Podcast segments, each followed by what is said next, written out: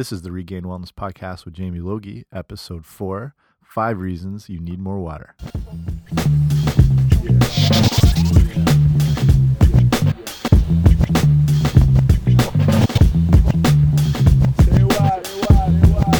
Hey guys, welcome back to the podcast. This is episode four now of the Regained Wellness Podcast. I'm Jamie Logie and I run a website called regainedwellness.com which is set up to arm you with all kinds of information, primarily on nutrition, to help you take back your health, to help you take control of your wellness, to help you get fitter. It's geared around getting you up to speed with every nutrition topic you can think of, every nutrition issue. And my goal is to be able to interact with you, to encourage you, to educate you and to motivate you in your fitness and wellness pursuits. So, today we're going to jump right into it and we're talking about the importance of water. And a lot of people neglect water, a lot of people are walking around dehydrated, and it's really something you need to get on top of very quickly and something you need to monitor and something you need to be aware of in how it's going to affect your day to day level, your moods, your energy, everything like that. So, the idea here today is I want to inform you on why you need to drink more, what happens if you do not drink enough, exercise and the sport drinks issue, and how much each day do you need. Water is by far the most important macronutrient there is. And there's a rough rule of three when it comes to your body's needs in survival situations. In an extreme situation, you can't go more than roughly three minutes without air, three hours without shelter. You can go up to three weeks without food, and around three days without water. So, here now are five reasons why you need to take in more water. First is that water helps maintain a balance of body fluids. And these fluids are involved in digestion, absorption, circulation, transport of nutrients through the body, and balance of body temperature. Like motor oil in a car, quite simply, without an adequate water intake, your body is not going to run optimally. Number two, water helps to control hunger and reduce overeating. So, this is probably going to be a big concern of the average person. It's not that hard to slip into a state of dehydration a lot of people think dehydration is akin to crawling through a desert in rags, having not had a drink in days. But dehydration can happen relatively easy depending on activity level and environmental temperatures. Many times, the signals of dehydration are mistaken for hunger. During those times or before meals, having a large glass or two of water can help stave off possible confused hunger signals and help lead to less overeating. The higher the water content in food is, is also beneficial for controlling urges to overeat. The obvious choice for a higher water content food will be vegetables and fruits. And there's a study done at the University of Sydney in 1995 where they tested 38 foods to see which ones were the most filling. The top scoring foods were the ones that had protein, fiber, or water, such as grapes, oranges, apples, porridge, eggs, cheese, things like that. Foods that cause overeating were things like refined carbohydrates, potato chips, candy bars, white bread. There are other ingredients in these foods, along with preservatives and additives, that can play a part in overeating, but these foods are also virtually devoid of water. Third thing is water helps flush out toxins. Body fluids transport waste in and out of our cells and blood urea nitrogen is the main toxic substance in the body. And the kidneys do an amazing job of cleansing and ridding the body of toxins like these as long as you have an adequate fluid intake. So the best way to indicate adequate adequate fluid intake is urine color the concentration and the odor. When you're well hydrated you will have urine flowing naturally that is a light straw color and virtually odorless a dehydrated body will be the exact opposite. This is because the kidneys are now trapping extra fluids for bodily functions. So, the fourth thing is lack of water affects brain function. Research from the Mayo Clinic says that the average person loses 80 ounces of water every day just from sweating, not exercise, just normal perspiration. And in conjunction with that, the average person is only consuming around 32 ounces a day. So if you combine that with consuming dehydrating beverages and an overexertion without replenishment, you're looking at a real problem. This can result in a lack of water to the brain, which will cause problems with things like focus, memory, your brain fatigue, uh, can lead to headaches. It's been associated with sleep issues, even depression. You have yourself, if you find yourself having problems with concentration, there's a study from 2012 by the British Psychological Society and they observed that students that took water with them to an exam outperformed other undergrads that did not. And the idea is that water is essential for every cell, tissue, and organ in the body, and the brain is no exception. Therefore, drinking water may have a direct psychological impact on your cognitive function. The fifth reason water is so important is if this pertains to you and you're into fitness or athletics, that water improves athletic performance. So, whether you're a high level athlete or you're just getting started in fitness and committed to an exercise program, if you're neglecting an adequate water intake, this will really affect either your performance or the results you're looking to get, or both. And most everyone is aware that roughly two thirds of our body is water, and roughly two thirds of that water exists in the muscle. So, simply put, water helps energize muscles. When you're exercising, muscle cells that are not receiving a balance of er-, electrolytes and water can actually shrink, leading to muscle fatigue. And in a competitive sport, even a recreational sport, that's bad news. Whether this is you're on a breakaway in hockey, if you're trying to get back on defense and pick up basketball, if you're playing doubles tennis and you're having to chase down a deep shot, that's going to be bad news. Muscles that are not efficiently hydrated will simply not work and perform their best. The key in regards to exercise or sports is to get a jump on water intake early. Waiting till you're dying of thirst is probably going to be too late. Hydration for exercise or sport performance is going to start a good couple hours before the activity or the event, the competition, whatever it may be. And the American College of Sports Medicine has research showing that having around 17 ounces, which would be roughly two cups of water a few hours prior to activity, is going to help with efficient hydration, um, delaying fatigue, promoting more energized muscles, things like that.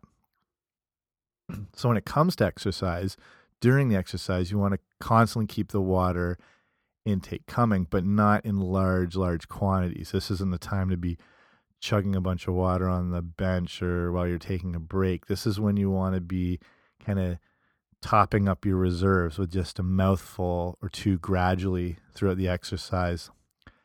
If you want to narrow it down to an exact number, you you're looking at around roughly one cup every 15 minutes. Then, if it's in a hotter climate, higher temperatures, you're going to have to keep the intake quite constant to balance that water loss through sweat. So again, you're not chugging, chugging water until you feel overly full and bloated. Be just because it's hotter out, you're just wanting to make sure it's consistent over that time because you're going to be losing quite a lot of sweat. After exercise, you want to replenish the water you lost through sweat. So it's not uncommon to lose at least a couple of pounds depending on the length and intensity of the activity. And this is more applicable to professional sports, but the average, say, NHL hockey player is losing anywhere from five to six pounds during a game. And there's stories of UFC fighters, even boxers, losing 10 to 12 pounds just over the course of a fight, which, if you think about it, is you're losing almost a certain percentage of your entire body weight when you start losing 10 to 12 pounds at that point. After exercise, you want to replenish the water you lost through sweat. As we just said, the rule of thumb is two to three cups roughly of water for every pound lost. So if this is you and you're involved in high intensity exercise, whether it is running, biking, triathlons, you're involved in CrossFit, you play recreational hockey or basketball, whatever it is, try weighing yourself before and after your activity to get an idea how much you might actually be losing over the course. That way, you'll know how many cups you want to look to replenish yourself with after the next competition. So we can get into sports drinks now, which is kind of an interesting subject. This is a billion dollar industry with the greatest athletes in history behind them. And many people wonder are sports drinks a replacement for water and what place will they have in an active lifestyle? I'm going to focus obviously on Gatorade as it is the most famous of the sports drinks and accounts for 75% of the market share. So obviously that's, you know, the core of the information here. It's good to point out in times of intense activity and in hot environments, sports drinks do and can have their place. However, I believe there are superior choices.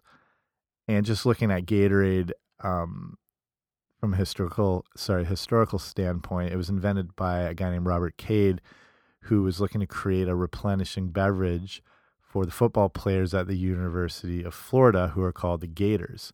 So it was the aid for the Gators, Gatorade. And it goes all the way back to 1965, quite a while, and was really of almost it was needed. It was it came out of necessity because the athletes in Florida who are exercising these environments were being incredibly strenuously active in very hot and humid conditions for up to three hours at a time. And you know, we're talking about the um, boxers, pro athletes losing large amount of uh, weight, sweated off, water loss through pounds. Some of the athletes back then were losing up to 18 pounds over the course of a game. So if you're looking at like a big lineman or a right tackle who's weighing, you know, 280, 290 pounds, it's not uncommon for him to lose, you know, 18 plus pounds over the course of a game, especially in that hot, hot climate. Problem with severe dehydration like this can lead to excessive losses of water and electrolytes like sodium, potassium. And this level of dehydration can lead to actually low uh, blood pressure.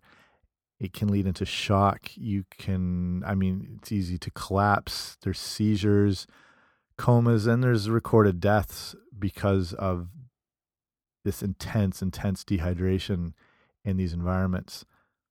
So, to look into the Gatorade issue and sports drinks in general, what is in these drinks exactly? And even though they contain beneficial electrolytes, like we're mentioning the sodium and potassium, that are really key to muscle performance, they help avoid cramping, especially in intense activity. The problem is most of these sports drinks are filled with refined sugars, also chemical dyes that kind of give them that bright, attractive colors. Uh, usually, look at a blue Gatorade, you won't really find that color existing in nature anywhere.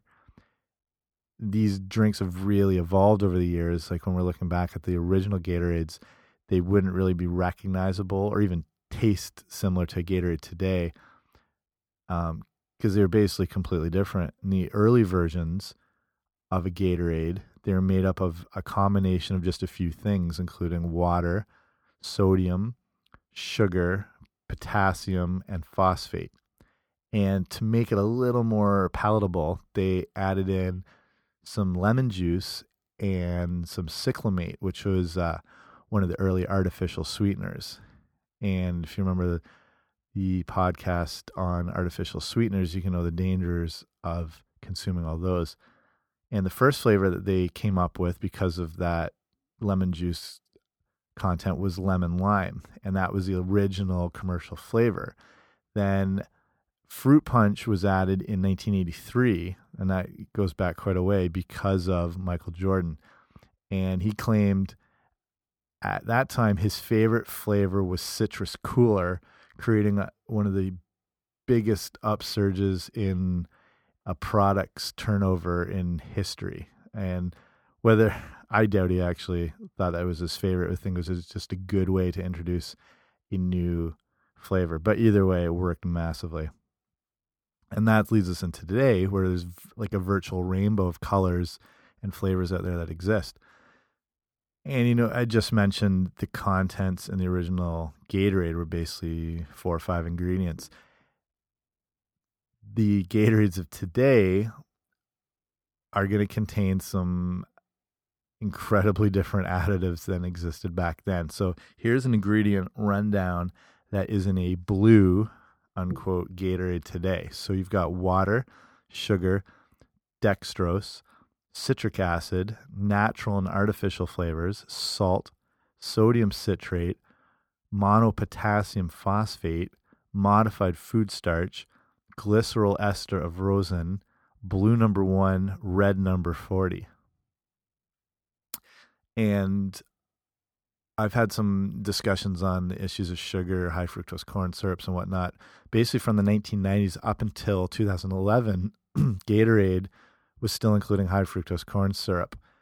Now they're you know using different combinations of glucose, fructose, but the fact is, most of the Gatorade you would have had growing up was basically not different than a can of Coke.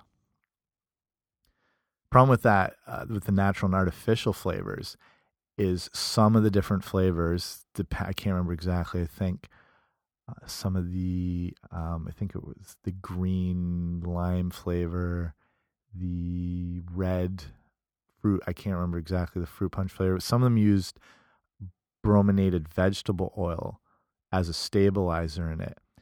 And if you're familiar, sorry, familiar with um, BVO, you know it's been a highly protested food additive and has been pushed to be removed from a lot of products over the years, especially in the last few years.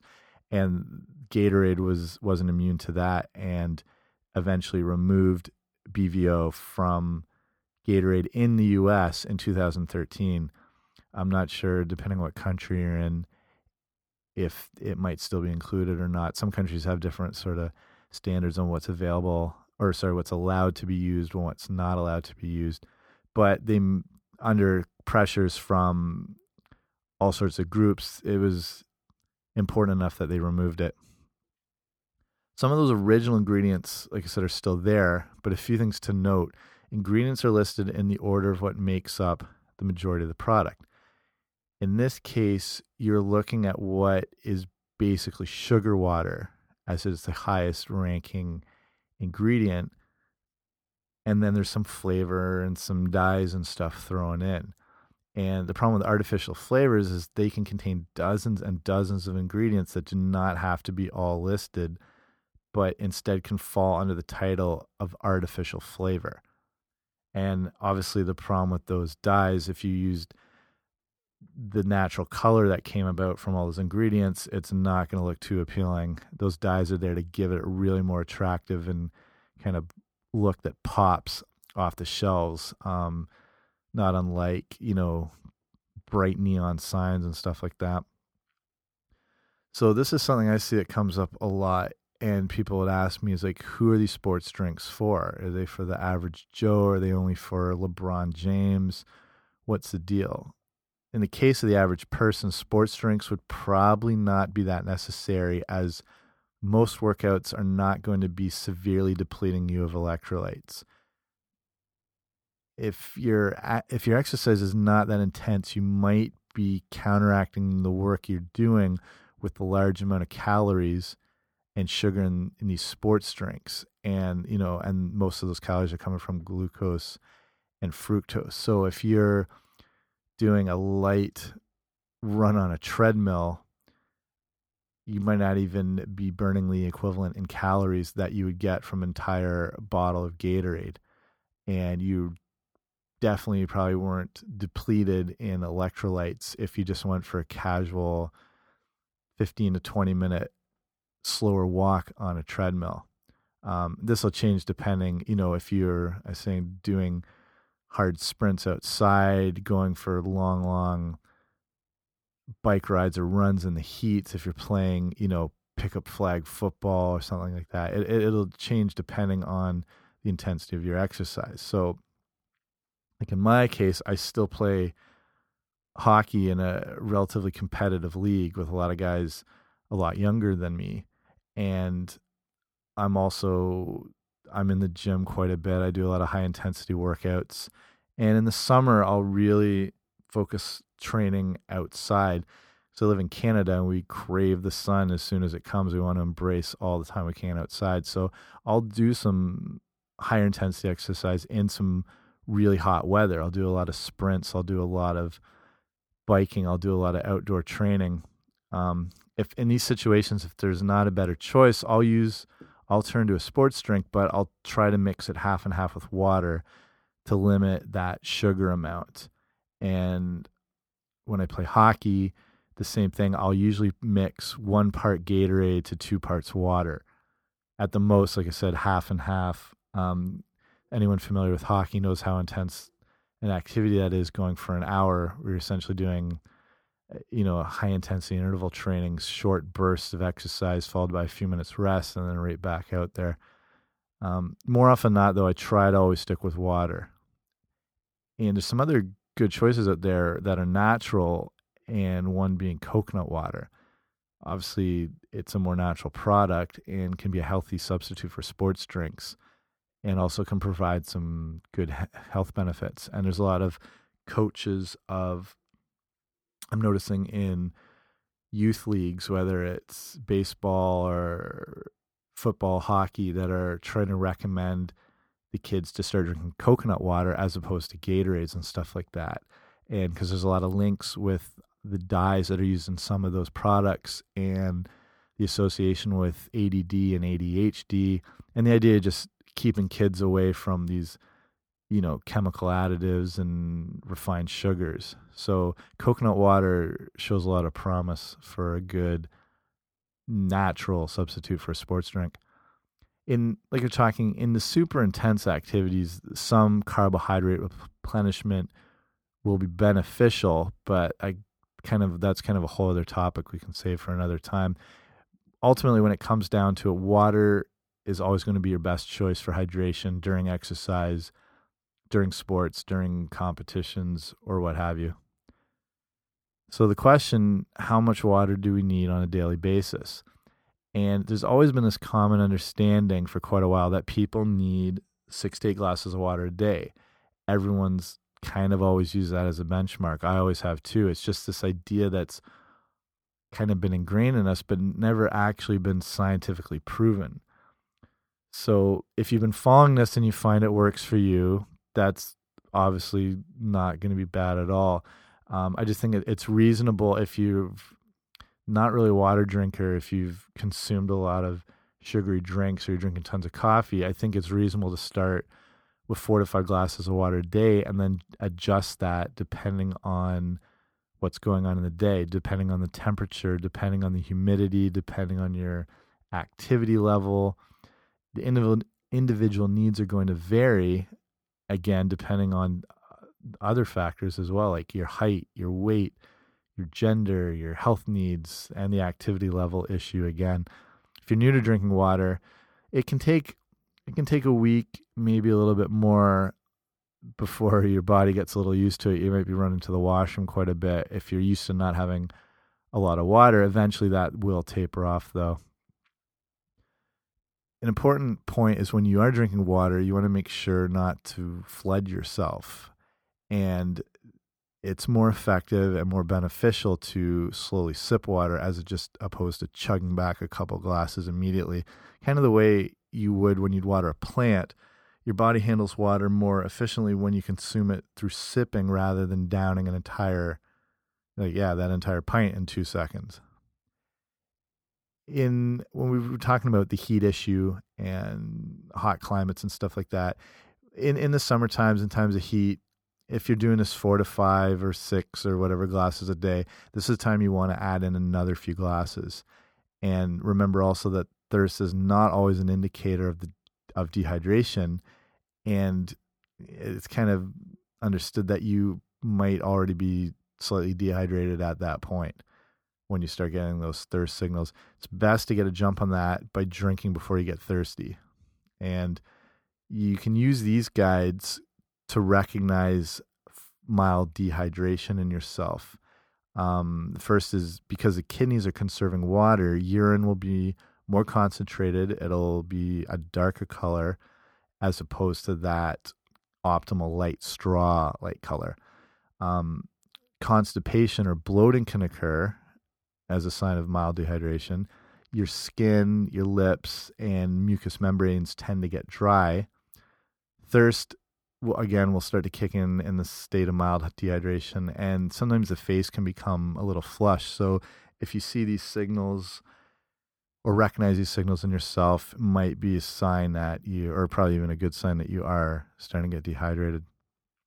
In addition to the water you drink, remember that a diet rich in vegetables and fruits and even things like fish, eggs, potatoes are going to contribute to your overall water intake. So, if you are re- eating a diet rich in whole foods and especially a lot of yeah like fruits and vegetables remember you are going to be getting some water intake from that and it does count because these foods are made up of around 75% water so just to sum this all up um, i think we've looked at why we need water why it's important in helping maintain body fluid balance it helps control hunger and overeating can help flush toxins from the body helps in daily brain function, and it can be important and is is an asset in exercise and sports. Your ideal water source is going to be natural spring water, but obviously that's not practical for everybody. If you live in an area where you're concerned about your tap water purity, a water filter is going to be a great investment. And there's a lot out there as far as going from a Brita filter to tap faucet um, things you can add on. There's quite a lot. There's nothing I want to recommend specifically because it's something I think you need to look into for yourself. But something that can help purify your water is going to be a great investment.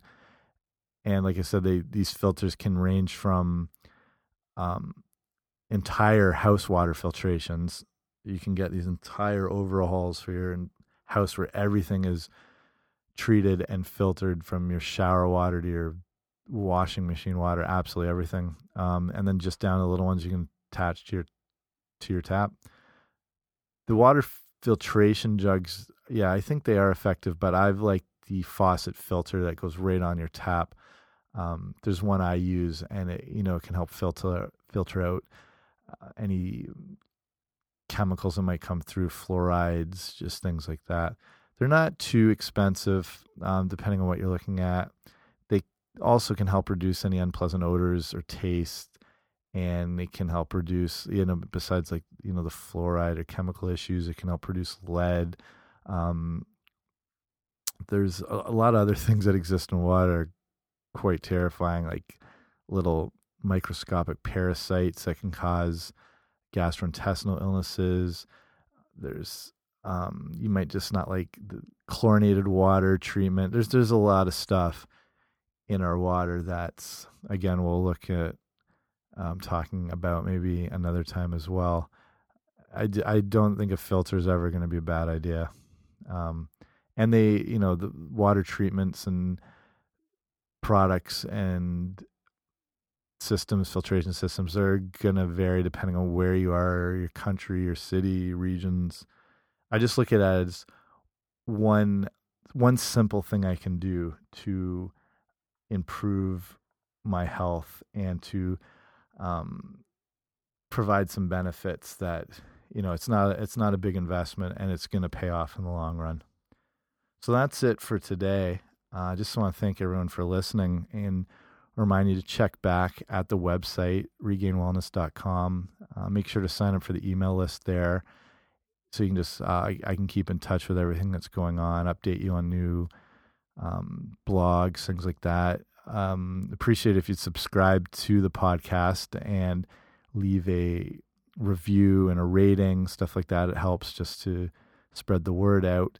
And if you want to be in touch with me and just if you have questions, stuff I can answer on here or try and answer directly, um, things you might be struggling with nutrition wise, fitness wise, you can email me at info at regainedwellness.com. You can check me on Facebook. It's facebook facebook.com slash regained wellness and also on Twitter. And the handle is at regain wellness. This one, though, is R E G A I N wellness. All the other ones are regained wellness. So thanks for listening. Check back with you very soon. And like I just, I tell everybody when you're trying to get fit, when you're trying to get well, when you're trying to take care of your nutrition and your health, remember progress, not perfection. See you next time.